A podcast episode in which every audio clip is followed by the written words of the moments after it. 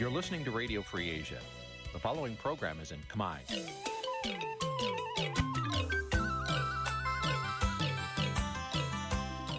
នេះជាកម្មវិធីផ្សាយ Vuthu Azizi Serai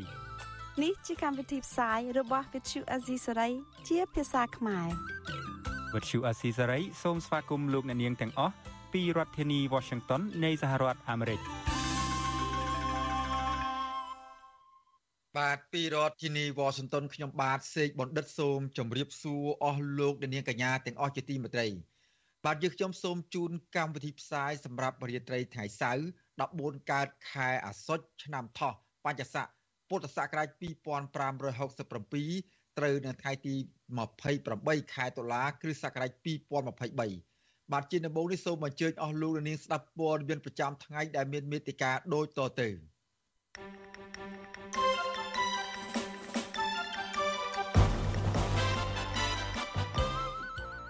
ពលរដ្ឋនៅបូរីពិភពថ្មីជិត100នាក់ទាមទារឲ្យម្ចាស់បូរីសងប្រាក់50%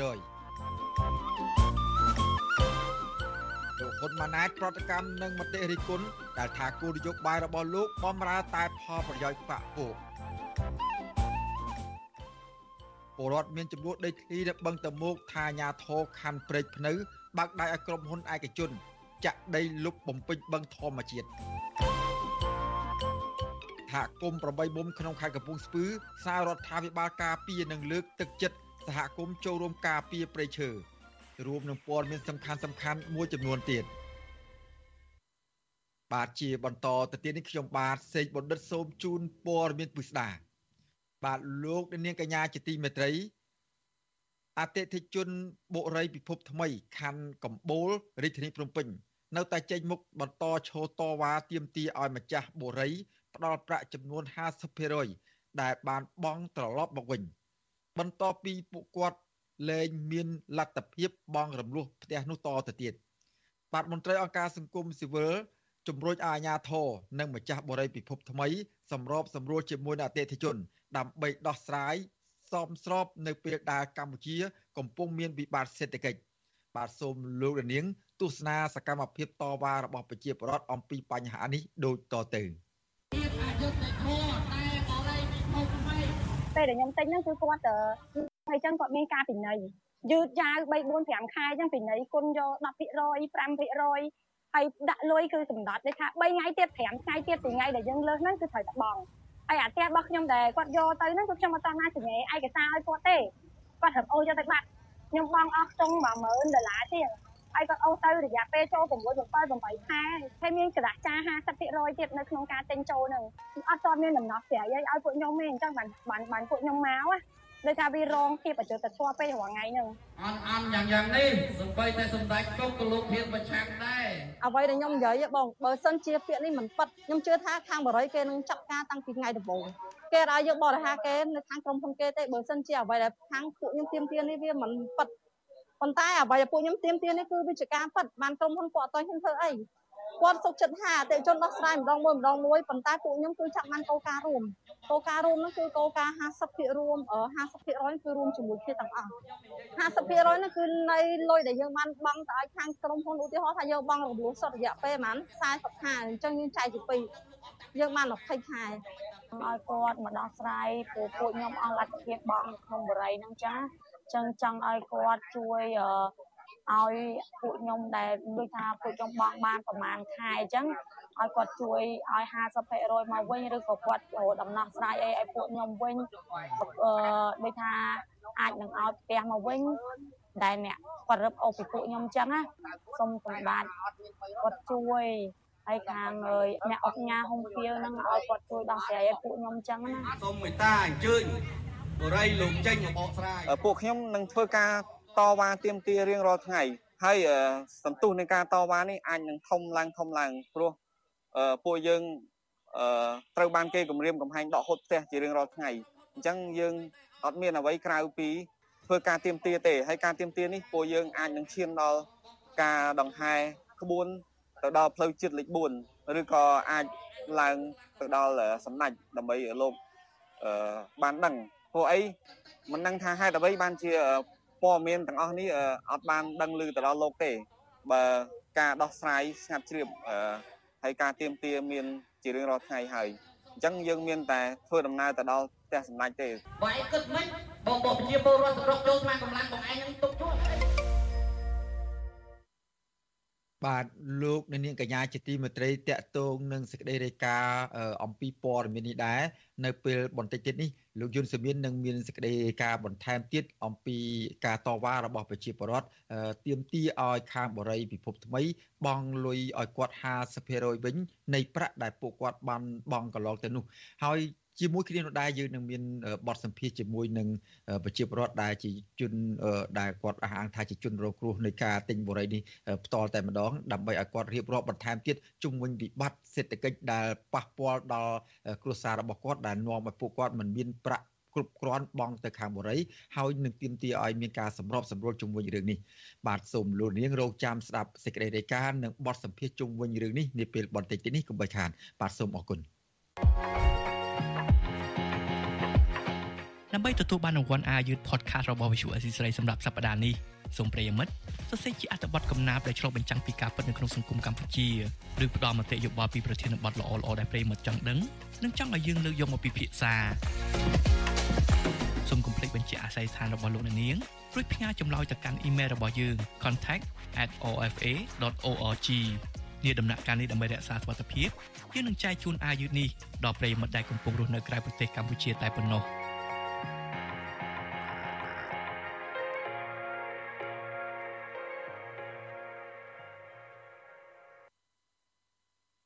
បាទលោកនាងកញ្ញាជាទីមេត្រីលោកនាងកំពុងតាមដានស្ដាប់ការផ្សាយរបស់វិទ្យុអស៊ីសេរីពីរដ្ឋធានីវ៉ាស៊ីនតោនសហរដ្ឋអាមេរិកបាទឥឡូវនេះយើងមកតាមដានមើលគោលនយោបាយរបស់រដ្ឋាភិបាលថ្មីរបស់លោកលោកនាយករដ្ឋមន្ត្រីហ៊ុនម៉ាណែតវិញបាទលោកនាយករដ្ឋមន្ត្រីហ៊ុនម៉ាណែតប្រតិកម្មនឹងមតិរិះគន់គោលនយោបាយអភិវឌ្ឍប្រកបដោយសមធម៌របស់លោក ថាបំរើតែផលប្រយោជន៍បពពួកនោះទេ ដោយមិនបានធ្វើឲ្យប៉ះពាល់ដល់ ហើយថាការរិះគន់បែបនេះធ្វើឲ្យប៉ះពាល់ដល់កិត្តិយសរបស់រដ្ឋាភិបាល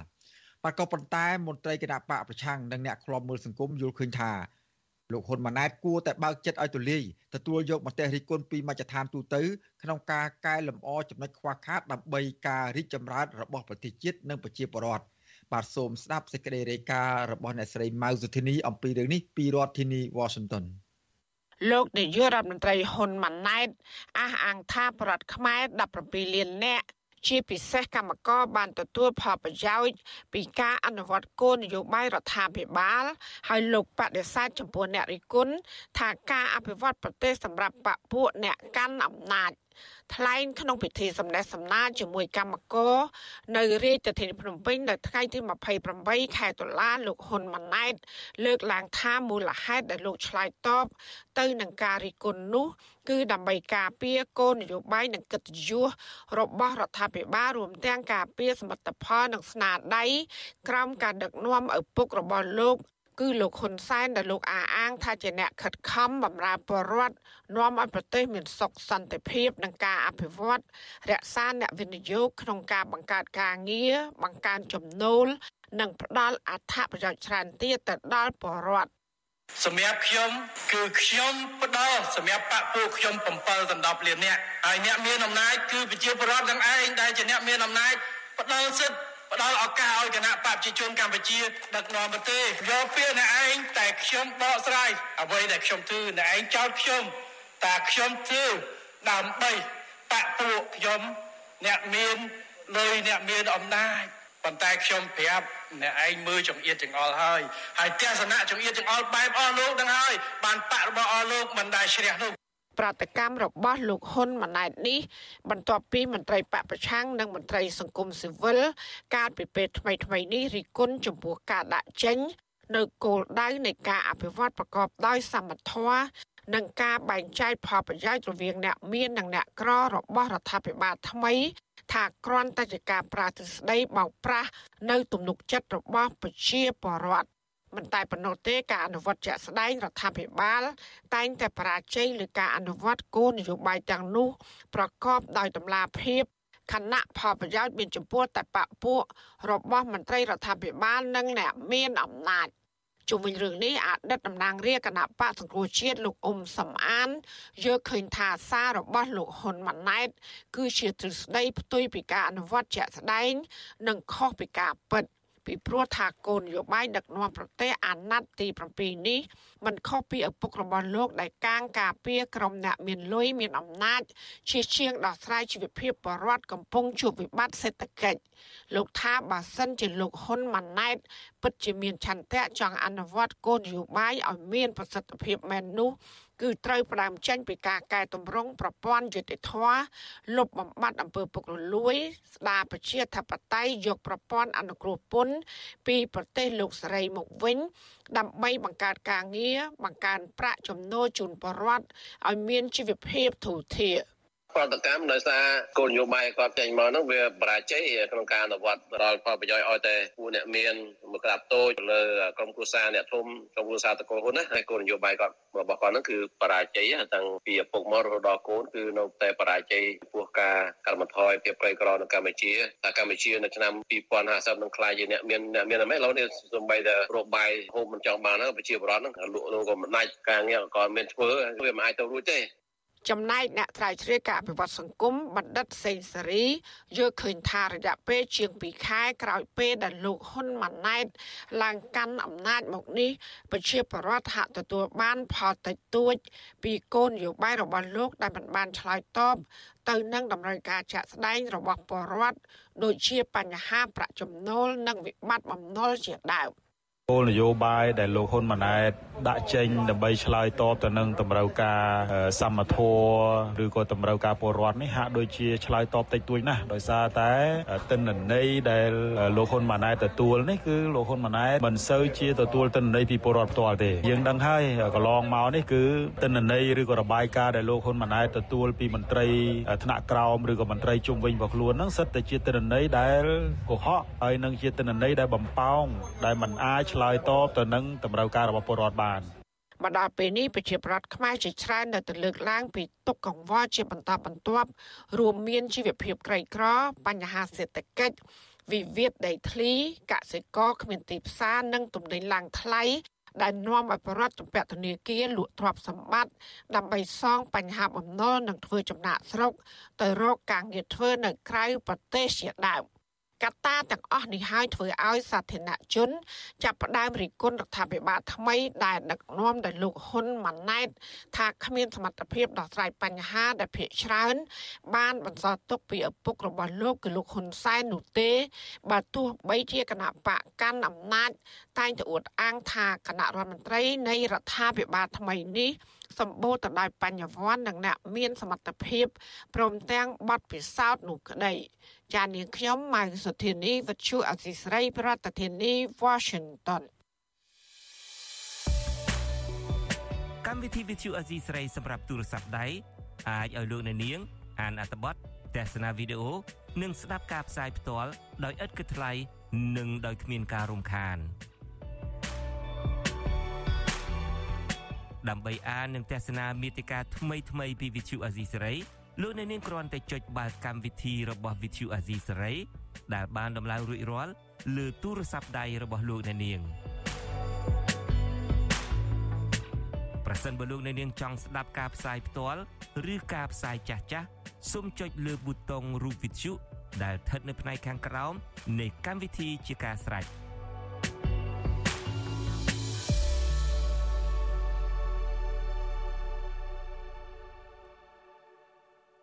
បាទ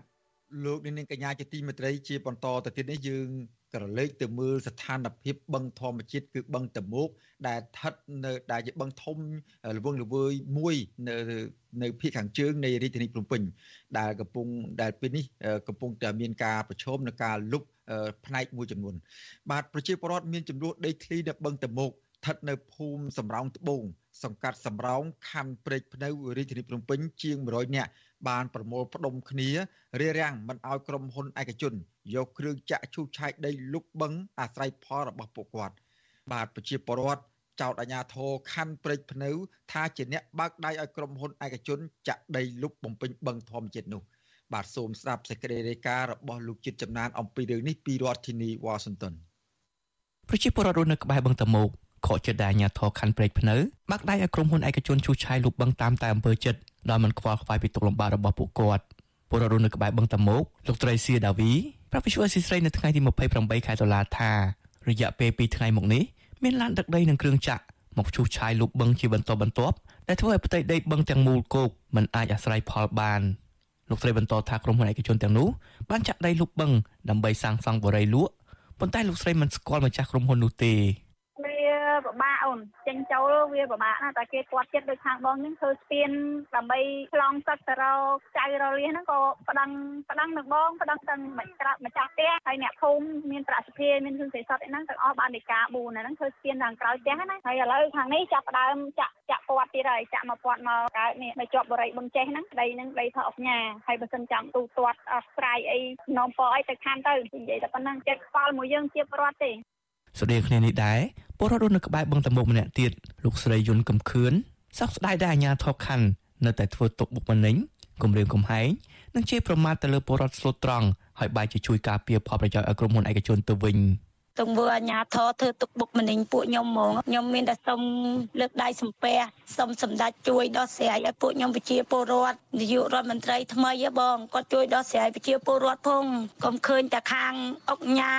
អ្នកមានលុយមានអំណាចកុំឲ្យខាងខណ្ឌគាត់បំពេញលើពួកខ្ញុំទៀតគាត់ត្រូវដំណោះស្រាយឲ្យពួកខ្ញុំឲ្យបានឆាប់ឆាប់ហ្នឹងមកកុំឲ្យមើលទៅដូចភ័យទាំងភ័យទាំងខ្លាចទាំងព្រួយរាល់ថ្ងៃកន្លងទៅពលរដ្ឋតែងតែចេញតវ៉ា និងស្នើរដ្ឋាភិបាលចេញប្លង់កម្មសិទ្ធិដើម្បីឲ្យពួកគាត់មានលទ្ធភាពរកប្រាក់ចំណូលផ្គត់ផ្គង់ជីវភាពគ្រួសាររបស់ពួកគាត់ប៉ុន្តែផ្ទុយពីការទទួលបានដំណោះស្រាយរយៈពេល75ឆ្នាំមកនេះអាជ្ញាធរខណ្ឌព្រែកភ្នៅតែងតែគម្រាមកំហែងនិងបានប្តឹងដល់ប្រជាជនច្រើនករណីនិងថែមទាំងដេកយាមមិនឲ្យប្រជាជនចេញតវ៉ាឡើយវិសុវស៊ីសេរីមិនអាចតាក់ទងអភិបាលខណ្ឌព្រែកភ្នៅលោកថឹមសំអាន និងអភិបាលរាជធានីភ្នំពេញលោកខួងស្រេង ដើម្បីសូមអត្ថាធិប្បាយជុំវិញបញ្ហានេះបានទេនៅថ្ងៃទី28ខែតុលាជុំវិញបញ្ហានេះប្រធានសមាគមការពារសិទ្ធិមនុស្សអាត់ហុកលោកនីសុខាមានប្រសាសន៍ថាការដែលអាជ្ញាធរមូលដ្ឋានបាក់ដៃឲ្យក្រុមហ៊ុនឯកជនបន្តចាក់ដីលុបបឹងនេះមិនមែនជាការអភិវឌ្ឍស្របតាមគោលនយោបាយរបស់រដ្ឋាភិបាលនោះទេព្រោះគោលការណ៍អភិវឌ្ឍមិនត្រូវធ្វើឲ្យពលរដ្ឋណាមួយរងគ្រោះនោះទេដូចខ្ញុំបានជម្រាបថាបើសិនជាយើង អភិវឌ្ឍកាត់ដីទៅឲ្យតែអ្នកមានកាត់ដីទៅឲ្យតែអបញ្ញាកាត់ដីទៅឲ្យតែអ្នកមានអំណាចកាត់ដីទៅឲ្យតែបាក់ពួកគ្នាឯងដោយអត់បានដោះស្រាយបញ្ហាសម្រាប់ប្រជាពលរដ្ឋក្រីក្រខ្ញុំគិតថានឹងមិនមែនជាយន្តការកាត់បន្ថយភាពក្រីក្ររបស់រដ្ឋាភិបាលទេផ្ទុយទៅវិញវាធ្វើឲ្យមានការរំលោភសិទ្ធិមនុស្សនៅក្នុងការអភិវឌ្ឍបែបហ្នឹងផ្ទុយទៅវិញវាធ្វើឲ្យប្រជាពលរដ្ឋដែលក្រីក្រកាន់តែក្រទៅវាធ្វើឲ្យកម្លាតរវាងអ្នកក្រនិងអ្នកមានកាន់តែឆ្ងាយទៅឆ្ងាយទៅណា បច្ចុប្បន្នមានពលរដ្ឋជាង100គ្រួសារស្មើនឹង77ខ្នងផ្ទះកំពុងរស់នៅលើផ្ទៃដីប្រមាណ4ហិកតាស្ថិតនៅក្នុងភូមិសំរោងត្បូងសង្កាត់សំរោងខណ្ឌព្រែកភ្នៅរាជធានីភ្នំពេញពលរដ្ឋមួយចំនួនបានបង្ខំចិត្តទទួលសំណងបន្តិចបន្តួចគឺដោយសារតែអាញាធរគៀបសង្កត់និងធ្វើទុកបុកម្នេញផ្នែកជីវភាពដែលធ្វើឲ្យពួកគាត់មានជីវភាពកាន់តែលំបាកប្រឈមនឹងបំណុលវាន់កហើយក្មេងៗមួយចំនួនបានបោះបង់ការសិក្សាដោយងាកមកជួយរកប្រាក់ផ្គត់ផ្គង់ជីវភាពគ្រួសារវិញ គណៈពលរដ្ឋខ្លះទៀតកំពុងរងពាក្យបណ្ដឹងទៅតុលាការទោះជាបែបនេះក្តីក៏ពលរដ្ឋរស់នៅក្បែរបឹងតមុកមួយចំនួនបញ្ញាចិត្តថានឹងបន្តទៀមទារហូតដល់អាជ្ញាធរដោះស្រាយវិវាទដីធ្លីនេះជូនពួកគាត់ពីព្រោះពួកគាត់គ្មានទ្រព្យសម្បត្តិអ្វីបន្សល់ទុកឲ្យកូនចៅចំនួនក្រោយពីដីធ្លីទាំងនោះទេខ្ញុំបាទជាចំណាន Visual Society ប្រធានាទី Washington បាទលោកនាងកញ្ញាជាទីមេត្រីចំណែកបញ្ហាបរិស្ថាននៅឯខេត្តកំពង់ស្ពឺឯនោះវិញ បាទប្រជាសហគមន៍ការពារព្រៃឈើ8មុំស្ថិតនៅខេត្តកំពង់ស្ពឺទទូចឲ្យរដ្ឋាភិបាលនិងអ្នកពាក់ព័ន្ធដែលធ្វើការងារខាងវិស័យធនធានធម្មជាតិជួយពង្រឹងច្បាប់តំបន់ការពារនិងលើកទឹកចិត្តដល់សហគមន៍ដែលកំពុងខិតខំការពារព្រៃឈើនិងសត្វព្រៃនិងធនធានធម្មជាតិដទៃទៀតបាទការទទូចស្នើសុំយ៉ាងដូចនេះគណៈអាជ្ញាធរខេត្តទទួលស្គាល់ថាអាជ្ញាធរពិតជាមិនបានជួយសហគមន៍ឲ្យបានដិតដល់តាក់ទងនឹងបញ្ហានេះ បាទសូមស្ដាប់សេចក្តីរាយការណ៍របស់លោកយ៉ងច័ន្ទរាពីរដ្ឋធានីវ៉ាស៊ីនតោនពាក់ព័ន្ធនឹងរឿងនេះប្រជាសហគមន៍8មុំស្ថិតនៅក្នុងស្រុកអរ៉ាល់ខេត្តកំពង់ស្ពឺស្នើឲ្យរដ្ឋាភិបាលជួយពង្រឹងច្បាប់តំបន់ការពារឲ្យបានតឹងរឹងជាងនេះបន្ថែមទៀតក្រោយពីព្រៃសហគមន៍មួយនេះនៅតែមានបទល្មើសលួចដាក់អន្ទាក់យកសត្វព្រៃជារៀងរាល់ថ្ងៃលើសពីនេះទៅទៀត ពួកគាត់អំពាវនាវឲ្យអ្នកដែលធ្វើការងារខាងវិស័យធនធានធម្មជាតិជួយប្រាក់ឧបត្ថម្ភលើកទឹកចិត្តដល់ពួកគាត់នៅពេលចុះល្បាតព្រៃម្ដងម្ដង។ប្រធានសហគមន៍ការពារព្រៃឈើ8មុំលោកសឿនឡាយអះអាងប្រាប់វិទ្យុអាស៊ីសេរីនៅថ្ងៃទី28តុលាថាបច្ចុប្បន្ននេះព្រៃសហគមន៍របស់លោកកំពុងប្រឈមខ្លាំងដែលមានប្រជាពលរដ្ឋចំណាក់ស្រុកតែងតែលួចដាក់អន្ទាក់នៅតាមអូរនិងកន្លែងវាលស្មៅបណ្ដាលឲ្យសត្វទន្សោងឆ្លូសនិងជ្រូកព្រៃជាប់អន្ទាក់ជាញឹកញាប់ លោកបន្ថែមថាសហគមន៍របស់លោកតែងតែចុះល្បាតជាប្រចាំក៏ប៉ុន្តែមួយរយៈពេលចុងក្រោយនេះមិនសូវមានសមាជិកចូលរួមច្រើននោះទេដោយសារតែពួកគាត់មិនមានថវិកាគ្រប់គ្រាន់ដើម្បីជួយចុះល្បាត បញ្ហារាល់ថ្ងៃនេះវាពិបាកច្រើនដោយសារតែឧបសគ្គវាខ្វះទាំងវិថវិកាខ្វះទាំងពីការហូបចុកឲ្យបានគ្រប់គ្រាន់អញ្ចឹងទៅបងបងវាមានបញ្ហាប្រឈមច្រើនហើយឈឺស្កាត់អីចឹងទៅក្រុមគ្រួសារគណៈកម្មការសិទ្ធិនៅអត់ហើយនៅស្ទឹងតែអត់មានតែគាត់ថាម៉េចគាត់ឆ្លាញ់បាត់ហើយបាទសំណពររបស់សហគមន៍គឺធ្វើម៉េចរឹតបន្តឹងនៃច្បាប់ដើម្បីជួយការពារធនធានធម្មជាតិនៅក្នុងស្រុកយើងបប្រតិបត្តិបងបើមិនជាវាមិនគិតគូរទេវានឹងបាត់បង់នៅថ្ងៃខាងមុខ ប្រធានសហគមន៍រូបនេះបន្ថែមទៀតថាសត្វទន្សោងជាង30ក្បាល និងសត្វជាច្រើនប្រភេទទៀតត្រូវបានបាត់បង់ជីវិតនៅក្នុងរយៈពេលជិត10ឆ្នាំមកនេះដោយសារតែជាប់អន្ទាក់របស់ជនល្មើសលោកថានៅក្នុងព្រៃសហគមន៍8មុំនៅសល់សត្វកម្រជាច្រើនប្រភេទទៀតតែលោកមិនអាចបង្ហាញទិន្នន័យសត្វទាំងអស់នេះបានទេដោយខ្លាចក្រុមឈ្មួញលួចតាអន្ទាក់ដូចសពថ្ងៃនេះជុំវិញរឿងនេះអភិបាលខេត្តកំពង់ស្ពឺលោកវៃសំណាងទទួលស្គាល់ថា អាញាធរខេត្តពិតជាមិនទាន់បានជួយអ្វីជាដុំកំភួនដល់សហគមន៍ការពារព្រៃឈើ8មុំពិតមែនក៏ប៉ុន្តែលោកស្នើទៅដល់សហគមន៍ទូទាំងខេត្តកំពង់ស្ពឺត្រូវរាយការណ៍ឬមួយក៏ដាក់សំណើទៅអាញាធរខេត្តដើម្បីជួយទៅតាមលទ្ធភាពលោកបន្ថែមថាបច្ចុប្បន្នអាជ្ញាធរខេត្តមិនមានថវិកាសម្រាប់ជួយដល់សហគមន៍ទាំងអស់នេះនៅឡើយទេ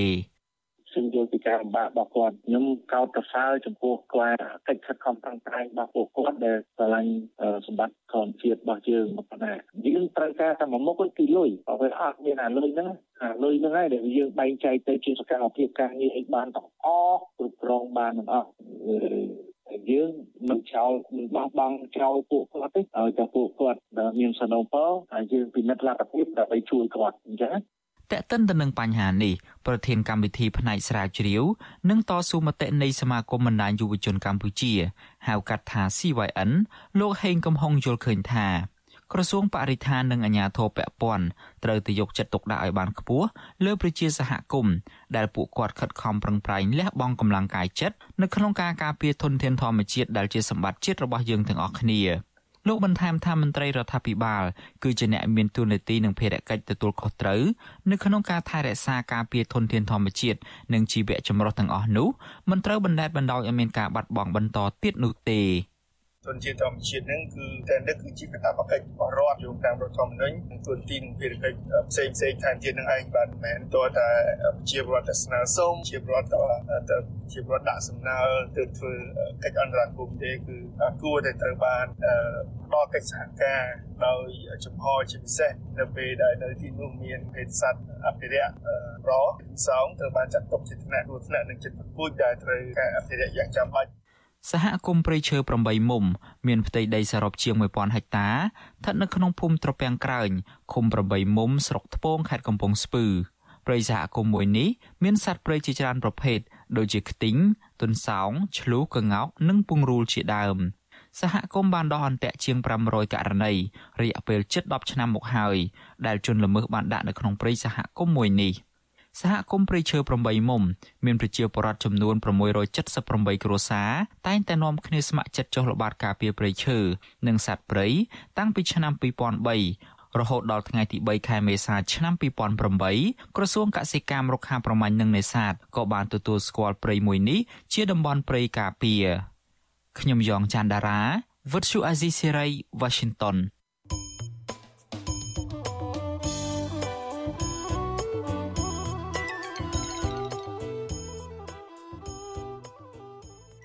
បាទលោកនាងកញ្ញាជាទីមេត្រីតកតោនឹងការផ្សព្វផ្សាយព័ត៌មានមិនពិតនៅលើបណ្ដាញសង្គមវិញបាទជួនកាលព័ត៌មានផ្សាយនោះគឺមិនមែនមិនពិតទេផ្សាយព័ត៌មានខ្លឹមសារទាំងស្រុងនៃព័ត៌មានដែលពួកគាត់បានយកមកចែករំលែកឬហៅថា share តាមបណ្ដាញសង្គមនោះជាព័ត៌មានត្រឹមត្រូវក៏ប៉ុន្តែគាត់បានដាក់ចំណងជើងខ្លែងបន្លំ ដាក់បំចំណងជើងផ្ទុយពីខ្លឹមសារដើមនៃព័ត៌មានរបស់ម្ចាស់ដើមផ្សព្វផ្សាយទៅវិញបាទយើងបានទទួលសំណូមពរពីអ្នកស្ដាប់និងអ្នកទស្សនារបស់យើងនឹងច្រើនណាស់ថាកុំឲ្យដាក់ចំណងជើងផ្ទុយពីខ្លឹមសារនៃព័ត៌មានបាទឧទាហរណ៍ដូចជាដាក់ចំណងជើងថា Vivo ហើយលោកហ៊ុនសែនត្រូវតុលាការព្រហ្មទណ្ឌអន្តរជាតិ ICC យកទៅកាត់ទោសជាដើមបាទក៏ប៉ុន្តែអឺ នៅពេលចុចទៅស្ដាប់មែនតើទៅព័ត៌មានគឺមិនលឺនិយាយអំពីរឿងនោះអឺសោះឡើយគឺថារឿងផ្សេងទៅវិញទេបាទអឺយើងសូមជម្រាបថាការដាក់ចំណងជើងខុសពីខ្លឹមសារទាំងនេះគឺជាការបោកប្រាស់របស់ក្រុមហ៊ុនរកស៊ីតាម YouTube ឬក៏ Facebook ដើម្បីរកលុយតែប៉ុណ្ណោះបាទអឺពួកគេលួចយកខ្លឹមសារនៃការផ្សាយរបស់វិទ្យុអសីសេរីទៅកាត់តបដូរចំណងជើង តាមរបៀបប្លែកប្លែកហួហេតុខុសពីការពិត ក្នុងគោលបំណងតាក់ទាញចិត្តអ្នកទស្សនាឲ្យចូលទៅមើលទៅស្ដាប់ទៅ like ឬក៏ share ឲ្យបានច្រើនដើម្បីពួកគេទទួលបានប្រាក់ចំណូលពីការរកស៊ីនៅមុខរបរលើប្រព័ន្ធអនឡាញនេះបាទសូមលោកដានៀងដើម្បីបានព័ត៌មានពិតនិងមិនមានការខ្លាញ់បន្លំនោះសូមអញ្ជើញអស់លោកដានៀងចូលទៅទស្សនាចូលទស្សនាគេហទំព័ររបស់ វិទ្យុអាស៊ីសេរីឬមួយក៏ YouTube របស់អាស៊ីសេរីផ្ទាល់តែម្ដង បាទជៀសវាងការខ្លាញ់បន្លំព័ត៌មានឬមួយក៏ខ្លែងបន្លំចំណងជើងដោយយកព័ត៌មានផ្សេងផ្សេងយកមកកែច្នៃជាពិសេសយកព័ត៌មានរបស់វិទ្យុអស៊ីសេរីតែម្ដងបាទសូមអរគុណ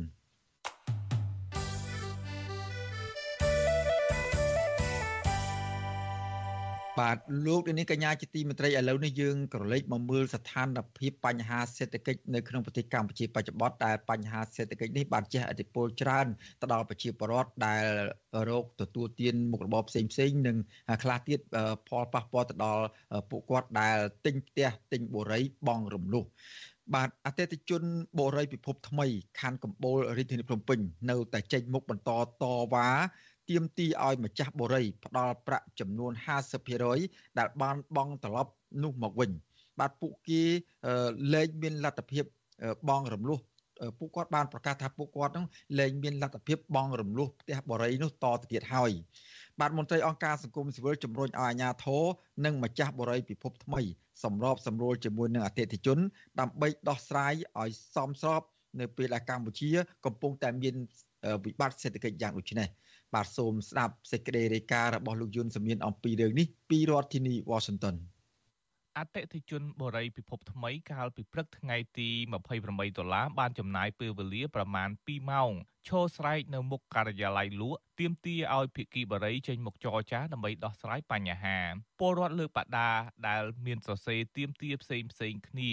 ដែលសរុបជារួមមាន3ចំណុចធំធំ គឺសូមឲ្យបរិយគោរពគោលការណ៍ដោះស្រាយ ប្រាក់50%ជូនប្រជាពលរដ្ឋម្ចាស់ផ្ទះដែលបរិយបានរឹបអូសរួច ទី2បរិយត្រូវទិញផ្ទះចូលវិញ50%ចំពោះផ្ទះដែលមិនមានលទ្ធភាពបង់និងទី3បរិយត្រូវចេញលិខិតទិញចូលវិញ50%សម្រាប់អតិថិជនបង់ប្រាក់ជាបន្តទៀត ខុសពីនៅមុខការិយាល័យលក់របស់បរិយដែលមានប្រជាពលរដ្ឋនាំគ្នាឈរតវ៉ាប្រងព្រាតតែទស្សនវិជ្ជានៅក្នុងបរិយពិភពថ្មីទាំងមូលបែរជាមានសភាពកាន់តែស្ងប់ស្ងាត់ពីមួយថ្ងៃទៅមួយថ្ងៃដោយសារតែអតិថិជនមួយចំនួនដែលបង់រំលោះផ្ទះបាត់បង់ប្រាក់ចំណូលនិងត្រូវបង្ខំចិត្តដាក់ស្លាកលក់បន្ទាន់និងខ្លះទៀតត្រូវភេកីបរិយបង្ខំឲ្យចុះចេញទាំងបង្ខំ អតិថិជនម្នាក់សូមមិនបញ្ចេញឈ្មោះប្រាប់វិទ្យុអាស៊ីសេរីថានេះជាលើកទី9ហើយដែលប្រជាពលរដ្ឋនាំគ្នាមកតវ៉ានៅមុខការិយាល័យលក់តែភាគីក្រុមហ៊ុននៅតែគ្មាននរណាម្នាក់ចេញមុខមកចរចារកដំណោះស្រាយជាមួយអតិថិជនដែលកំពុងជួបនឹងវិបត្តិសេដ្ឋកិច្ចលោកបន្តថាម្ចាស់ក្រុមហ៊ុនបរិយពិភពថ្មីគួរតែចេញមុខមកដោះស្រាយបញ្ហានេះដើម្បីផ្ដល់ទំនុកចិត្តដល់អតិថិជន ឲ្យដោយកាលពីដែលអតិថិជនទុកចិត្តលើក្រុមហ៊ុន នៅពេលពួកគេមកទិញផ្ទះដំបូង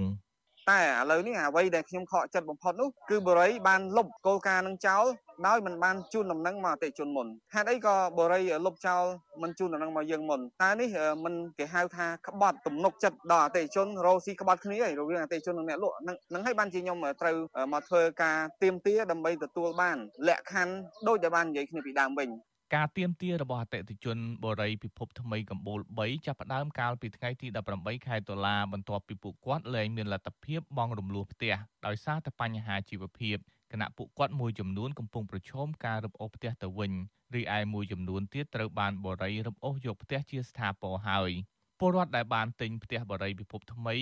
មានតម្លៃចន្លោះពីជាង50000ដុល្លារទៅជាង100,000ដុល្លារដោយបង់រំលោះចន្លោះពី500ដុល្លារទៅ700ដុល្លារក្នុងមួយខែ ក៏ប៉ុន្តែដោយសារតែបញ្ហាជីវភាពធ្លាក់ចុះបណ្ដាលឲ្យអតិថិជនមួយចំនួនដែលបង់រំលោះផ្ទះបាត់បង់ប្រាក់ចំណូលនិងត្រូវបង្ខំចិត្តដាក់ស្លាកលក់ជាបន្ទាន់និងខ្លះទៀតត្រូវភិគីបូរីបង្ខំឲ្យចុះចេញទាំងបង្ខំដែលធ្វើឲ្យទស្សនវិជ្ជាក្នុងបូរីពិភពថ្មីកាន់តែស្ងប់ស្ងាត់ពីមួយថ្ងៃទៅមួយថ្ងៃ អតិថិជនទិញផ្ទះនៅក្នុងបរិយាពិភពថ្មីម្នាក់ទៀតគឺលោកស្រី P Dali ឲ្យដឹងថាម្ចាស់ផ្ទះទៀមទាឲ្យម្ចាស់ក្រុមហ៊ុនពិភពថ្មីគោរពតាមការសន្យារបស់តំណាងក្រុមហ៊ុន ដែលប្រាប់ទៅអតិថិជននៅពេលចុះកិច្ចសន្យាទិញលក់ថាក្រុមហ៊ុននឹងទទួលទិញផ្ទះទៅវិញក្នុងតម្លៃ50%ប្រសិនបើអតិថិជនជួបបញ្ហាហិរញ្ញវត្ថុហើយអស់លទ្ធភាពសង ប៉ុន្តែលោកស្រីបន្តថាតំណាងក្រុមហ៊ុនមិនបានទទួលស្គាល់កិច្ចសន្យាផ្ទាល់មាត់ដែលប្រាប់ទៅអតិថិជនមានចំនួនរាប់រយនាក់នោះឡើយដោយក្រុមហ៊ុនបានរឹបអូសយកផ្ទះអ្នកដែលគ្មានលទ្ធភាពបង់រំលោះបន្តជាច្រើនខ្នង។ និយាយផ្ទាល់មាត់គាត់បែរជានិយាយថាបុគ្គលិកគាត់ហ្នឹងចេះតែនិយាយនិយាយដើម្បីឲ្យលក់ផ្ទះបានដែរគាត់បែរទៅជាកន្លះអញ្ចឹងហើយទាំងតែគាត់ជាក្រុមហ៊ុនធំមួយហើយមានអុកញ៉ាប៉ុន្តែនៅបែរជាបោកប្រាស់ប្រជាពលរដ្ឋហើយបុគ្គលិកគាត់មួយចំនួនបែរជានិយាយស្ដីមួយអតិថិជនថាយ៉ាទិញលក់ហ្នឹងគេមានសរសេរអសរប៉ះទាំងតែយើងទូអ្នកខ្លះទោះបីជានេះគាត់ចាស់ចាស់អីអញ្ចឹងគឺគាត់សូម្បីតែខ្ញុំចេះអសរហើយខ្ញុំនៅតែចាញ់បោកគេខ្ញុំនៅអានកិច្ចសន្យាហើយខ្ញុំនៅតែអត់មានហើយខ្ញុំនៅតែសួរគេគេថាអត់អីទេបងវិទ្យុអាស៊ីសេរីមិនអាចតាក់ទងតំណាងបូរីពិភពថ្មីនិងអ្នកនាំពាក្យរដ្ឋាភិបាលលោកប៉ែនបូណាដើម្បីបកស្រាយជុំវិញបញ្ហានេះបាននៅឡើយទេនៅថ្ងៃទី28ខែតុលាដោយទូរស័ព្ទចូលជាច្រើនដងតែពុំមានអ្នកទទួលប៉ុន្តែកាលពីថ្ងៃទី7ខែមិថុនាអតីតនាយករដ្ឋមន្ត្រីលោកហ៊ុនសែនបានស្នើឲ្យម្ចាស់ភៀកគីបូរីយោគយល់និងគម្រប់អុសផ្ទះពីប្រជាពលរដ្ឋដែលមិនមានលទ្ធភាពបង់ប្រាក់ទៅឲ្យក្រុមហ៊ុនបូរី ប៉ុន្តែសម្ដីរបស់លោកហ៊ុនសែនហាក់គ្មានប្រសិទ្ធភាព កាលពីថ្ងៃទី21ខែសីហាភិក្ខីបូរីពិភពថ្មីបានចេញសេចក្តីបំភ្លឺថាក្រុមហ៊ុនក៏កំពុងជួបបញ្ហាសេដ្ឋកិច្ចដែលបណ្ដាលមកពីវិបត្តិសេដ្ឋកិច្ចសកល ក្រុមហ៊ុនបញ្ជាក់ថាក្រុមហ៊ុននៅតែអនុវត្តទៅតាមកិច្ចសន្យាលក់ទិញដែលចែងជាលីលាក់អសរ100%ប៉ុន្តែក្រុមហ៊ុននឹងបន្តរៀបចំអនុទានសារឡើងវិញ និងពន្យាពេលបង់រំលោះចាប់ពី17ឆ្នាំទៅ30ឆ្នាំទោះបីបែបនេះក្តីប្រជាពលរដ្ឋដែលចេញមកតវ៉ាលើកឡើងថាដំណោះស្រាយនេះមិនបានផ្ដល់ភាពយុត្តិធម៌ឲ្យពួកគាត់នោះទេ ជុំវិញរឿងនេះប្រធានសមាគមការពារសិទ្ធិមនុស្សអាត់ហុកលោកនីសុខាយល់ឃើញថានៅក្នុងស្ថានភាពវិបត្តិសេដ្ឋកិច្ចជីវភាពពលរដ្ឋធ្លាក់ចុះបែបនេះភាគីក្រុមហ៊ុន គួរតែមានការយោគយល់អព្យាស្រ័យនិងដោះស្រាយសម្របសម្រួលបញ្ហានេះដោយមានការទទួលខុសត្រូវនិងអាចទទួលយកបានទាំងអស់គ្នាលោកជំរុញឲ្យភិក្ខីបូរីចេញមុខមកដោះស្រាយនិងគោរពតាមគោលការណ៍ឬកិច្ចសន្យាដែលបានធ្វើកាលពីទិញលក់ជាមួយអតិថិជន ដោយមិនត្រូវមានការរឹបអូស ឬបណ្តេញចេញទាំងបង្ខំនោះឡើយ។ខ្ញុំ គិតថាការដកហូតនេះវាជាការរំលោភធ្ងន់ធ្ងរណាស់ទៅលើសិទ្ធិរបស់អ្នកដែលទិញបាទពីព្រោះថាបើទោះបីយ៉ាងណាក៏ដោយមានបញ្ហាអីក៏ដោយបុរីមិនអាចទៅប្រើប្រាស់សិទ្ធិខ្លួនឯងទៅក្នុងការដកហូតបែបនឹងបានទេក៏ថាត្រូវតែមានការប្តឹងផ្ដាល់ទៅតុលាការដើម្បីឲ្យតុលាការសម្រេចទោះបីថាវានៅក្នុងកិច្ចសន្យាកិច្ចព្រមព្រៀងអញ្ចឹងក៏ដោយក៏មិនអាចទៅដកហូតដោយឆៅឆៅដោយគ្មានការសម្រេចពីតុលាការដែរប្រជាពលរដ្ឋនិងមន្ត្រីសង្គមស៊ីវិលជំរុញឲ្យក្រុមហ៊ុនបរិយពន្លឿនការដោះស្រាយដើម្បីផ្ដល់សំណងដែលជាកម្លាំងញើសឈាមរបស់ពួកគាត់ដើម្បីបន្តការរស់នៅនៅក្នុងស្ថានភាពវិបត្តិសេដ្ឋកិច្ចពួកគេស្នើឲ្យមានដំណោះស្រាយប្រកបដោយភាពយុត្តិធម៌ដើម្បីរក្សាកេរ្តិ៍ឈ្មោះរបស់ក្រុមហ៊ុនកុំឲ្យស្អុយរលួយដោយសារតែបញ្ហានៅពេលនេះខ្ញុំយុនសាមៀនវិទ្យុអាស៊ីសេរីប្រធានាធិបតី Washington បាទលោកនាងកញ្ញាជាទីមេត្រីជាបន្តទៅទៀតនេះយើងបានអញ្ជើញប្រជាពលរដ្ឋមួយរូបដែលកំពុងតែមានផលប៉ះពាល់ក្នុងការមិនមានប្រាក់គ្រប់គ្រាន់បង់ទៅឲ្យខាងបរិយដូចមានសរសេរនៅក្នុងកិច្ចសន្យាឲ្យបានចប់ចុងចប់ដើមដោយសារតែពួកគាត់ ដោយសារអះអាងថាដោយសារតែបញ្ហាសេដ្ឋកិច្ចមុខរបរពួកគាត់នោះរកចំណូលមិនបានឥឡូវដើម្បីដឹងច្បាស់ថាស្ថានភាពពួកគាត់នោះលំបាកយ៉ាងម៉េចខ្លះយ៉ាងម៉េចខ្លះដែលធ្វើឲ្យពួកគាត់មិនមានប្រាក់គ្រប់គ្រាន់បង់ទៅឲ្យបរិយាប្រចាំខែរហូតដល់បង់បានផ្ទះមករបស់ខ្លួនយើងជាជាកម្មសិទ្ធិរបស់ពួកយើងនោះបាទគឺយើងបានអញ្ជើញប្រជាពលរដ្ឋមួយរូបគឺលោកហេងតារា បាទដើម្បីមកផ្ដល់បទសម្ភាសន៍ជូនអំពីស្ថានភាពនេះខ្ញុំបាទសូមជម្រាបសួរលោកហេងតារាពីចម្ងាយបាទបាទជម្រាបសួរបាទលោកហេងតារាអាចជម្រាបជូនបានទេថាថ្ងៃនេះលោកនៅបូរីពិភពថ្មីហ្នឹងនៅបូរីមួយណាដែរបាទបាទខ្ញុំរស់នៅក្នុងបូរីថ្មីកោ3ចាស់ ព្រោះនៅក្នុងបរិយាកាសថ្មីមានកបោបិចាស់បីថ្មីអូថានៅខណ្ឌកបោលរាជធានីភ្នំពេញយើងនឹងបាទបាទឥឡូវនេះចង់ឲ្យលោករៀបរាប់ថាតើស្ថានភាពនេះដែលធ្វើឲ្យមានការតវ៉ាប្រជាប្រដ្ឋហ្នឹងវាវាមានវាវាដើមហេតុឡើងវាកើតឡើងយ៉ាងដូចម្តេចខ្លះលោកអាចរៀបរាប់ដោយសង្ខេបបន្តិចបានទេបាទការដែលកើតឡើងនឹងការទៀនទីឲ្យបរិយពិភពថ្មី ទិញផ្ទះចូលវិញ50%ហ្នឹងគឺពាក់ព័ន្ធពេលដែលបងប្អូនអតិថិជនគាត់មកទិញផ្ទះជាមួយនឹងបរិយគាត់មានគោលការណ៍ហើយនឹងថែមពាក្យសន្យាទិញចូលវិញ50%បូកនឹងប្រាក់សងថែមប្រាក់សងថែមហ្នឹងគឺពាក់ព័ន្ធទៅលើប្រាក់ដែលយើងទម្លាក់ដើមមួយវិញទៀតពាក់ព័ន្ធបើសិនជាបូរីពិភពថ្មីគាត់ មានកិច្ចសន្យាលីលាក់អសរដែលថាគោរព100%ដែលលោកចេញសេចក្តីថ្លែងការណ៍នៅថ្ងៃទី21ខែសីហាថាគោរពតាមកិច្ចសន្យា ដែលមានលីលាក់អសរថាទទួលទិញចូល50%កិច្ចសន្យាហ្នឹងគឺផ្ដោតទៅលើផ្ទះដែលគាត់សាងសង់ហើយទិញភ្លាមចូលនៅភ្លាមប៉ុន្តែកិច្ចសន្យាដែលគាត់ លក់ផ្ទះពេលដែលបុកគ្រឹះគឺគាត់អាចបានសរសេរជាលិលាអក្សរថាមានការទិញចូល50%នឹងទេអញ្ចឹងដោតឲ្យបងប្អូនដែលទិញផ្ទះពេលបុកគ្រឹះគឺវាចំនួនច្រើនដល់ទៅ98ទៅ90%បងសារព័ត៌មានបាទអឺអញ្ចឹងបានន័យថាការទិញផ្ទះនេះអឺបាទបាទសូមជួយតបាទ ហើយគាត់បែរជាប្រើកិច្ចសន្យាដែលមានចាគាត់ប្រើពាក្យមួយថាទៅប្តឹងដល់ណាក៏អត់ឈ្នះគាត់ដែររាល់បុគ្គលិកដែលគាត់ថានិយាយព្រោះអីទៅប្តឹងដល់តុលាការគឺគេយោងតាមកិច្ចសន្យាដែលមានចាជាលីលាអសរបាទបានតងដែលធ្វើឲ្យបងប្អូនមានការទៀមទាគឺដោយសារ បូរីមានពាក្យសន្យាហិចធ្លាប់អនុវត្តតាំងពីឆ្នាំ2018ដល់ចុងឆ្នាំ2021ខែ11 12នឹកនឹងគឺបូរីគាត់អនុវត្តគោលការណ៍ទិញចូល50%ដល់ពិតប្រកបមែនហើយមួយវិញទៀតបូរីក៏ធ្លាប់បើកផ្ដល់កម្ចីក្នុងការផ្ដល់កម្ចីសម្រាប់ផ្ទះដែលកំពុងបង់រំលោភឧទាហរណ៍ថាបើសិនជាបូរីអ្នកអតិថិជនគាត់បង់រំលោភផ្ទះ បានចំនួន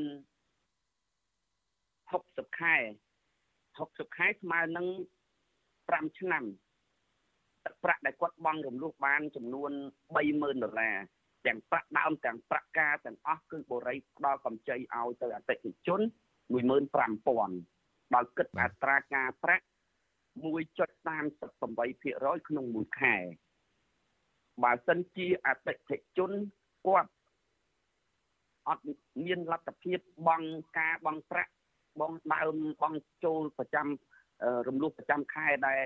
ត្រូវបង់ប្រាក់ប្រចាំខែសម្រាប់ផ្ទះបរិយមានសិទ្ធិដកហូតយកផ្ទះព្រោះអីដូចស្មើនឹងអតិថិជនលក់ជួនបរិយ50%អញ្ចឹងបាទប៉ុន្តែចំណុចណាមួយដែលលោកអាចបញ្ជាក់បានថាចំណុចណាមួយដែលខាងបរិយនោះគាត់ហ៊ានអះអាងថាខាងអតិថិជនទៅប្តឹងដល់ណាក៏ក៏មិនឈ្នះគាត់ដែរ បានន័យថាក្នុងកិច្ចសន្យានោះគាត់បានចងនៅចំណុចណាមួយឬមួយក៏ចំណុចណាមួយដែលអតិថិជនមិនបានមើលគ្រប់ជ្រុងជ្រោយនៅក្នុងកិច្ចសន្យាទិញផ្ទះលើកចុងក្រោយនេះដែលពួកគាត់មិនអាចទិញទទួលទិញបានវិញឬមួយគាត់រំលោភទៅលើកិច្ចសន្យានេះដោយសង្ខេបជាខ្លីទៅបាទរឿងដែលគាត់ថាទៅប្តឹងដល់ណាអត់ឈ្នះគាត់បុគ្គលិកគាត់អ្នកនិយាយបកស្រាយនៅក្នុងការិយាល័យ គឺគាត់បកស្រាយមកអញ្ចឹងព្រោះអីនៅលើកិច្ចសន្យាដែលបងប្អូនទៀមទីឲ្យទិញចូល50%ហ្នឹងគឺអត់មានចាជាលីលាក់អសរថាមានទទួលទិញចូលដូចកិច្ចសន្យាដែលគាត់ថ្លែងការណ៍នៅថ្ងៃទី21ខែសីហានឹងទេព្រោះអីរាល់ទិញផ្ទះបុកគ្រឹះទាំងអស់គឺអត់មានចាទិញចូលទេគឺគាត់ប្រើពាក្យសន្យាគ្រប់ការិយាល័យហើយគាត់អនុវត្តរហូតមករួមទាំងផ្ទះអ្នកចិត្តខាងរបស់ខ្ញុំក៏គាត់អស់លទ្ធភាពពីមុនពីមុន គឺគាត់លក់ជូនបរិយបានទទួលប្រាក់50%ដោយអ្វីដែលបរិយពិភពថ្មីគាត់សន្យាហើយគាត់អនុវត្តកន្លងមកបាទអញ្ចឹងបើសិនជាមានការព្រមព្រៀងហើយពេលតែទិញនោះមិនមិនឲ្យខាងក្រុមហ៊ុនឬមួយខាងបរិយហ្នឹងសរសេរនៅក្នុងកិច្ចសន្យាទិញលក់នោះតែម្ដងទៅជាជាងការសន្យាតែមាត់ដែលគ្មានអ្វីជាភ័ស្តុតាងគ្មានអ្វីជាសម្អាងនោះបាទលោក ការនឹងដោយសារតែប្រជាប្រិយភាពហើយនឹងការជឿជាក់ទៅលើក្រុមហ៊ុនបរិយពិភពថ្មីហើយមានបងប្អូនយើងពីពីមុនហ្នឹងក៏គាត់ធ្លាប់ទិញផ្ទះហើយក៏យកទៅលក់ឲ្យបរិយក៏ទទួលបាន50%មែនហើយមុននឹងបងប្អូនដែលចូលទិញគឺគាត់សួរទៅខាងការិយាល័យបុគ្គលិកផ្នែក sale គឺគាត់និយាយថាពេលដែលបងប្អូនចង់លក់វិញគឺក្រុមហ៊ុនទទួលទិញចូល50% បូកនឹងប្រាក់សងថែមបាទឥឡូវនេះយើងនឹងបន្តតាមដានបន្តទៀតនៅពេលដែលតវ៉ាអញ្ចឹងតើបន្តពេលនេះតើខាងអតិថិជនដែលកើតទុកមិនសុខចិត្តចំពោះបញ្ហានេះនឹងមានបានដាក់ពាក្យប្តឹងទៅតុលាការឬមួយក៏សារទៅខាងក្រសួងយុទ្ធភ័ពឬក៏រដ្ឋាភិបាលដើម្បីឲ្យជួយសម្របសម្រួលនេះហើយឬនៅឬមួយក៏គ្រាន់តែនាំគ្នាតវ៉ារោគយុទ្ធភ័ពជាមួយបរិយជាមុនសិនបាទ ខ្ញុំនិងបងប្អូនរាប់រយគ្រួសារគឺអត់បានដាក់ពាក្យបណ្ដឹងទៅខាងតុលាការទេទី1គឺធ្វើការទៀមទាឬក៏ស្នើការសុំអន្តរាគមពីអាជ្ញាធរខណ្ឌកំបូលលោកក៏បានជួយជ្រោមជ្រែងអញ្ជើញបរិយតំណាងបរិយឲ្យទៅជួបដោះស្រាយដែរតែខាងបរិយគាត់បោះដោះស្រាយមកគាត់ឲ្យយើងនឹងបងប្អូនចូលទៅក្នុងការិយាល័យគឺ អត់មានកិច្ចសន្យាអង្វរកទៅខាងបរិយថាបរិយអាចជួយបានពី300គ្រាន់រើផ្ទះឬក៏1000ឬក៏500ចុះបើទឹកប្រាក់ដែលបងប្អូនបង់3 40000ដុល្លារ50000ដុល្លារត្រូវបាត់ទាំងស្រុងបែរជាបានតែ1000ដុល្លារវាអយុត្តិធម៌ចំពោះពេលដែលគាត់លក់លក់ឲ្យអតិថិជនតែដល់យកទៅលក់ឲ្យគាត់វិញគាត់ថាអត់មានអញ្ចឹងប្រជាជនមានមតិ ជឿជាក់ថាទង្វើដ៏អយុត្តិធម៌កន្លែងនេះបើសិនជាបូរីហ៊ានថ្លែងសារជាសាធារណៈថាគាត់អត់ដែលមានកិច្ចពាក្យសន្យាថាទិញចូល50%ប្រជាជននឹងធ្វើធ្វើការតវ៉ាជាសាធារណៈគ្រប់បរិយាបាទអរគុណឥឡូវយើងនឹងតាមដានបញ្ហានេះបន្តទៀតព្រោះពីព្រោះបញ្ហានេះតកតូននឹងការធ្វើកិច្ចសន្យានិង ការអនុវត្តតាមផ្លូវច្បាប់មួយចំនួនដែរដែលត្រូវមានការជជែកនិងពិភាក្សាពីអ្នកជំនាញក្នុងការដោះស្រាយជាពិសេសមានការសម្របសម្រួលពីអាជ្ញាធរនិងរដ្ឋាភិបាលជាដើមតកតូនឥឡូវចង់ឲ្យលោកដោយសង្ខេបថាមូលហេតុអ្វីមកពេលនេះបែរដែលនាំឲ្យប្រជាពលរដ្ឋនឹងមិនមានប្រាក់គ្រប់គ្រាន់ឬមួយក៏អស់លទ្ធភាពក្នុងការបង់ប្រាក់ទៅខាងបរិយដូចដែលគម្រោងដែលមានក្នុងក្រុមគ្រួសារជជែកទៅទិញមុនទៅទិញផ្ទះហ្នឹងបាទ សូមដោយសង្ខេបបន្តិចបាទបាទមូលហេតុដែលខាងប្រជាពលរដ្ឋជាច្រើនដែលអស់លទ្ធភាពក្នុងការបង់ប្រាក់ជូនបរិយទី1ក្នុងឆ្នាំ2020យើងខាងប្រជាពលរដ្ឋជួបនៅក្នុងការនឹកពេលនោះវិបត្តិកូវីដដែលបង្កឲ្យដល់ចុងឆ្នាំ2021បាទបន្ទាប់មកទៀតឥឡូវនេះកូវីដចប់ចូលវិបត្តិសង្គ្រាម រុស្ស៊ីនិងអ៊ុយក្រែនហើយចំណូលដែលប្រជាពលរដ្ឋត្រូវរកស៊ីក៏បានបានធ្លាក់ចុះបងប្អូនខ្លះក៏ត្រូវអត់មានការងារធ្វើ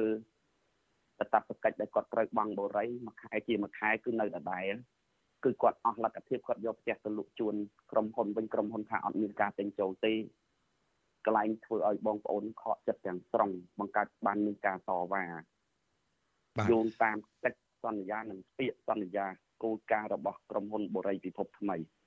ដែលមានទួទទួលទិញចូល50%ដល់ពិតប្រកបមែនបាទអរគុណលោកតារាដែលបានមករៀបរាប់អំពីការពិតនិងរឿងរ៉ាវមួយចំនួនដែលកើតឡើង តាក់ទងនឹងការទិញបូរីបងរំលោះនេះហើយយើងនឹងបន្តតាមដានស្ថានភាពនេះតទៅទៀតតើចុងក្រោយនឹងមានដំណោះស្រាយយ៉ាងដូចម្តេចហើយយើងនឹងហៅលោកមកផ្ដល់បទសភានៅពេលក្រោយទៀតនៅពេលដែលមានព័ត៌មានអ្វីបន្តទៀតនោះបាទបាទអរគុណសម្រាប់ពេលនេះខ្ញុំបានជម្រាបលាលោកតែប៉ុណ្្នេះសិនបាទបាទអរគុណជម្រាបលាវិសុអស៊ីសេរីបាទ បាទលោកនាងកញ្ញាជាទីមេត្រីឥឡូវនេះយើងក៏លេចទៅខាងសេចក្តីរាយការណ៍ពីខេត្តកំពង់ស្ពឺទៅវិញ បាទប្តីប្រពន្ធ2នាក់ដែលធ្លាប់ធ្វើការងារសង្គមនិងតាមអង្គការរដ្ឋាភិបាល បានចាប់ដៃគ្នាបើកសាលាបង្រៀនដល់ក្មេងកំព្រា និងសិស្សក្រីក្ររស់នៅក្នុងសហគមន៍ដោយមិនគិតថ្លៃ បាទមន្ត្រីអង្គការសង្គមស៊ីវិលយល់ឃើញថាអាញាធរមូលដ្ឋានគូមានការលើកទឹកចិត្តនិងសហការជាមួយអ្នកទាំងពីរដើម្បីប្រយោជន៍សង្គមទាំងអស់គ្នា បាទសូមលោកនាងទស្សនាសេចក្តីរាយការណ៍អំពីរឿងនេះរបស់លោកយ៉ងច័ន្ទរាពីរដ្ឋធានី Washington សាលាបង្រៀនសហគមន៍មួយកន្លែងស្ថិតនៅភូមិត្រពាំងលៀនឃុំព្រៃក្រសាំងស្រុកសាមគ្គីមនីជ័យខេត្តកំពង់ស្ពឺមានប្តីប្រពន្ធមួយគូគឺលោកជឿនបណ្ឌិត និងលោកស្រីយមធីតាបង្កើតបានជាសាលាសហគមន៍សន្តិភាពសម្រាប់ជួយបង្រៀនក្មេងៗក្នុងឃុំដែលពួកគេគ្មានលទ្ធភាពចូលរៀននៅសាលាឯកជន ស្ថាបនិកសាលាសហគមន៍សន្តិភាពលោកស្រីយមធីតារៀបរាប់ប្រាប់វិទ្យុអាស៊ីសេរីថាជិត10ឆ្នាំមកហើយដែលលោកស្រីបង្កើតសាលានេះឡើងដើម្បីទុកសម្រាប់ជួយបង្រៀនដល់ក្មេងៗនិងយុវជនចំនួនក្រោយដែលឪពុកម្ដាយគ្មានលទ្ធភាពបញ្ជូនកូនរបស់ពួកគាត់បានទៅសាលារៀនល្អដូចគេ លោកស្រីយមធីតាឲ្យដឹងថាលោកស្រីបានសម្រេចឲ្យស្វាមីរបស់លោកស្រីបោះបង់ការងារដែលមានប្រាក់ខែខ្ពស់ឲ្យមកជួយបង្រៀននៅក្នុងសហគមន៍យើងអាចចូលរួមជួយដល់ជួយជួយគ្រួសារពីរដ្ឋទៅនេះច្រើនដោយសារអីព្រោះគ្រួសារមួយចំនួនគាត់អត់មានលទ្ធភាពឲ្យកូនទៅរៀនគួរសាលាផ្សេងសាលាថ្លៃទេអញ្ចឹងយើងនៅស្រុកស្រែស្រាប់អូខេយើងអាចចូលរួមជួយជា ពីសាលាមកគាត់មានភាសាអង់គ្លេសយើងអាចបើកអីយើងអង់គ្លេសខ្លះទៅពីសាលារកគាត់អត់សូវបកាអីយើងមកទីនេះគឺយើងបំពន់បន្ថែមលោកស្រីយមធីតាបន្ថែមថាកន្លងទៅមេឃុំបានសន្យានៅមុខសិស្សនិងនិស្សិតមកពីទីក្រុងភ្នំពេញថានឹងជួយជ្រោមជ្រែងដល់សាលាសហគមន៍មួយនេះប្រសិនបើខ្វះខាតឬមានតម្រូវការអ្វីមួយជាការចាំបាច់នោះ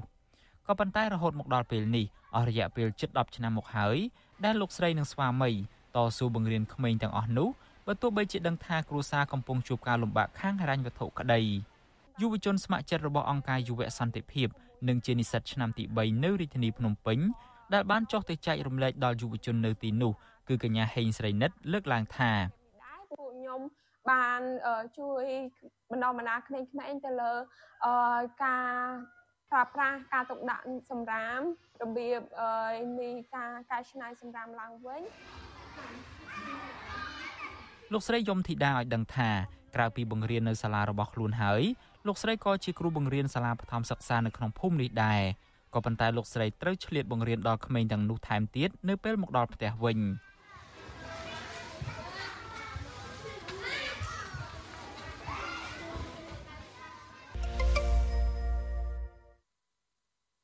បាទលោកនាងកញ្ញាជាទីមេត្រីបាទអឺឥឡូវនេះតកតូននឹងការ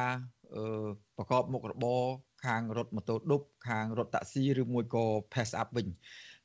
បាទគ្រាន់តែពលិយន្តហោះថ្មីវិនិយោគដោយក្រុមហ៊ុនចិននៅក្នុងភូមិគ្រៀលពង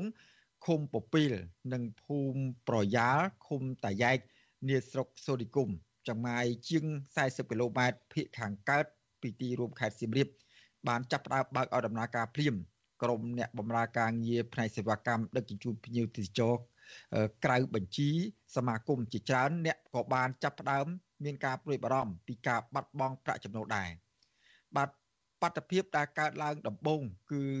សមាគមអ្នករត់តាក់ស៊ីមួយក្រុម ហាក់ទទួលបានសិទ្ធិផ្ដាច់មុខក្នុងការដឹកជញ្ជូនភ្ញៀវទេសចរ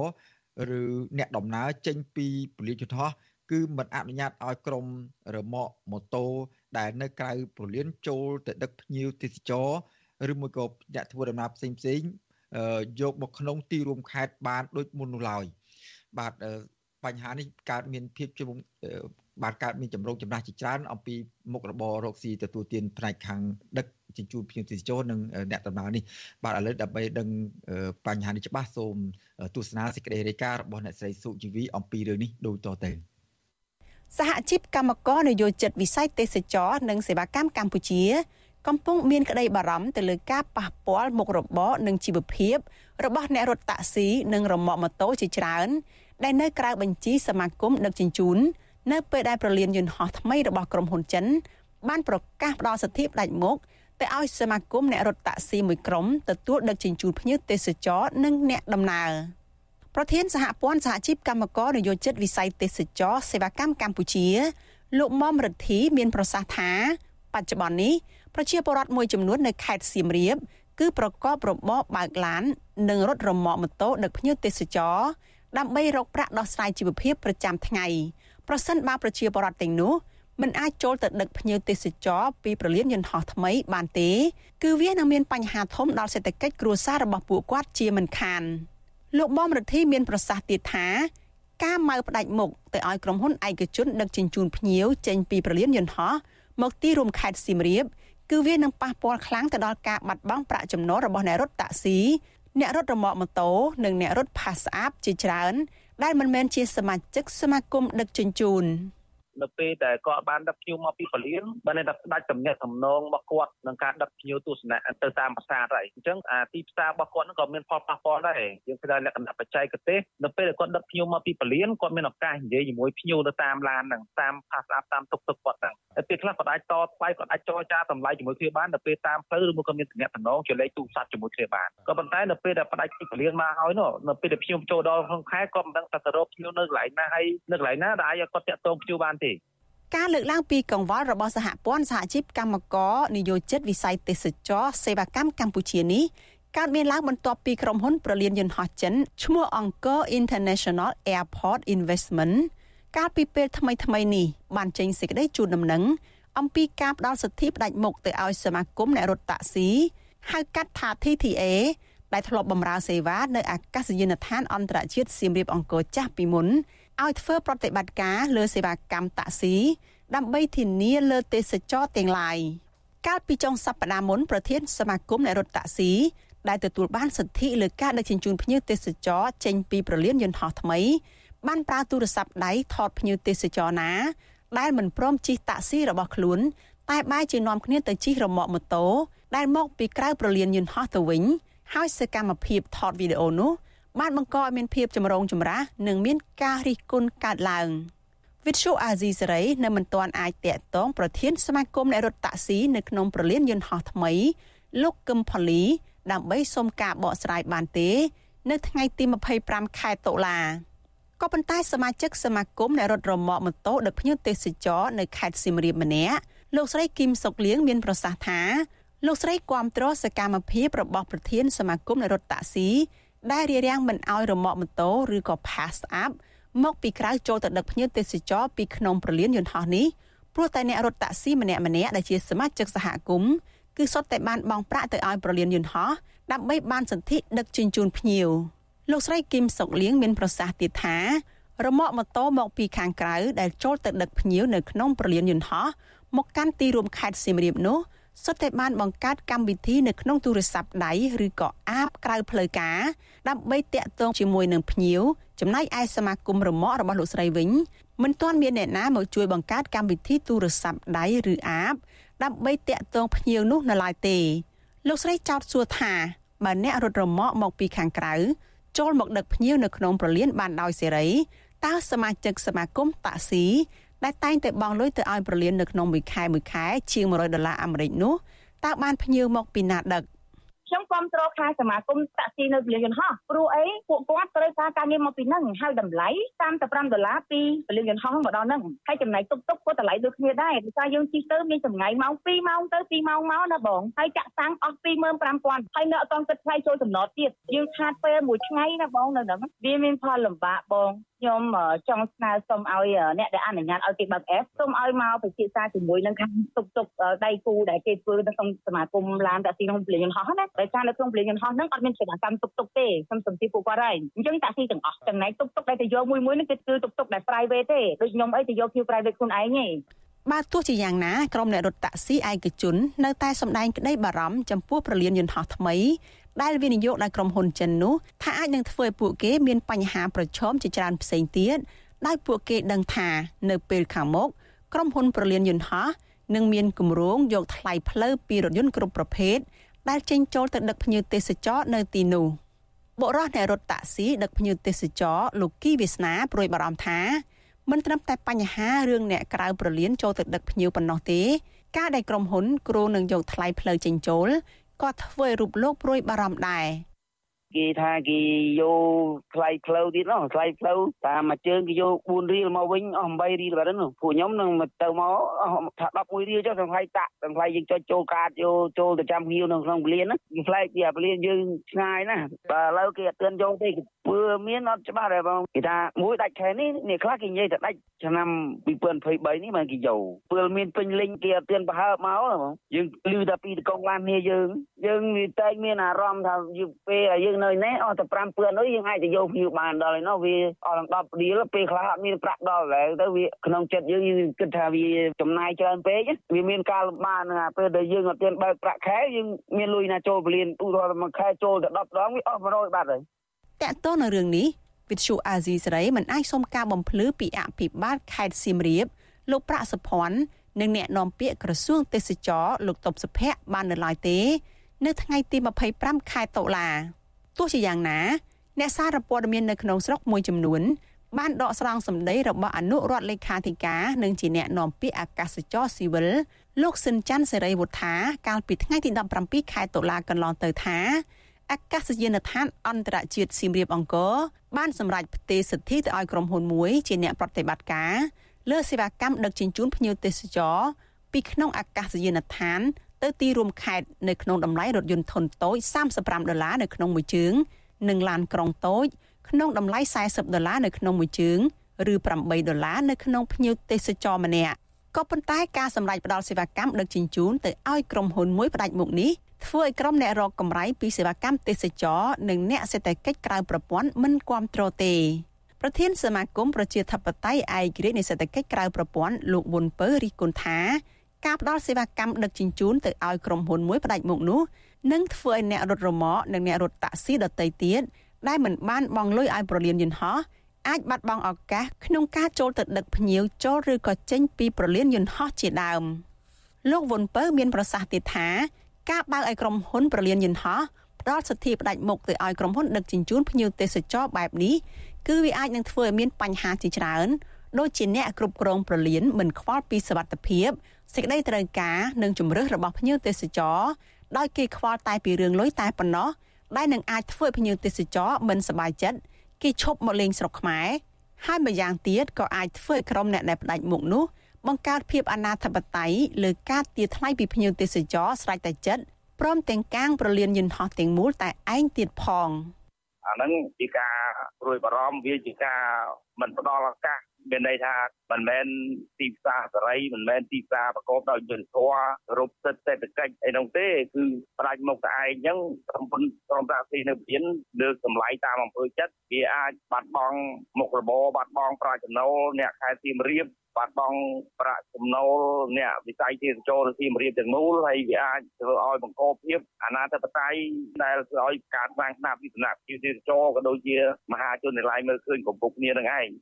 អាកាសយានដ្ឋានអន្តរជាតិសៀមរាបអង្គរថ្មី ដែលវិនិយោគនៅក្នុងរយៈពេល55ឆ្នាំដោយក្រុមហ៊ុនចិន